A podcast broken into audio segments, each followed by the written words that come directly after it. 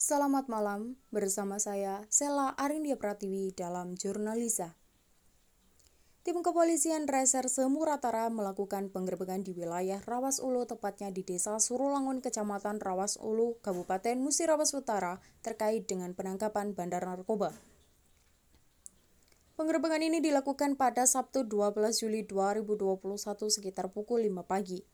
Penggerbekan ini dipimpin langsung oleh Kapolres Muratara AKBP Eko Sumaryanto yang didampingi Wakapolres, Kasat Narkoba, Kabak Ops, Kasat Reskim, Kasat Intelkam, Perwira Polres Reskim, dan Perwira Narkoba dengan jumlah personil sebanyak 50 personil, serta di backup 104 personil batalion yang dipimpin langsung oleh Danki Ibtu Antoni.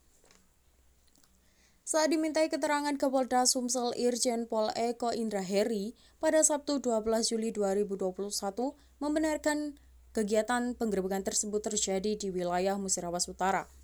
Polisi telah mengamankan 18 orang pelaku. Dari 18 orang pelaku tersebut, 15 di antaranya adalah laki-laki dan 3 di antaranya adalah wanita.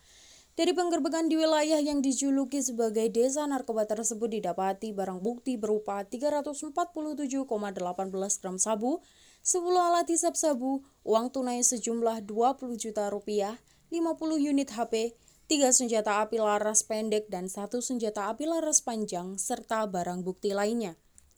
Selanjutnya pelaku serta barang bukti dibawa ke Kapolres Muratara untuk diamankan dan dilakukan pengembangan lebih lanjut.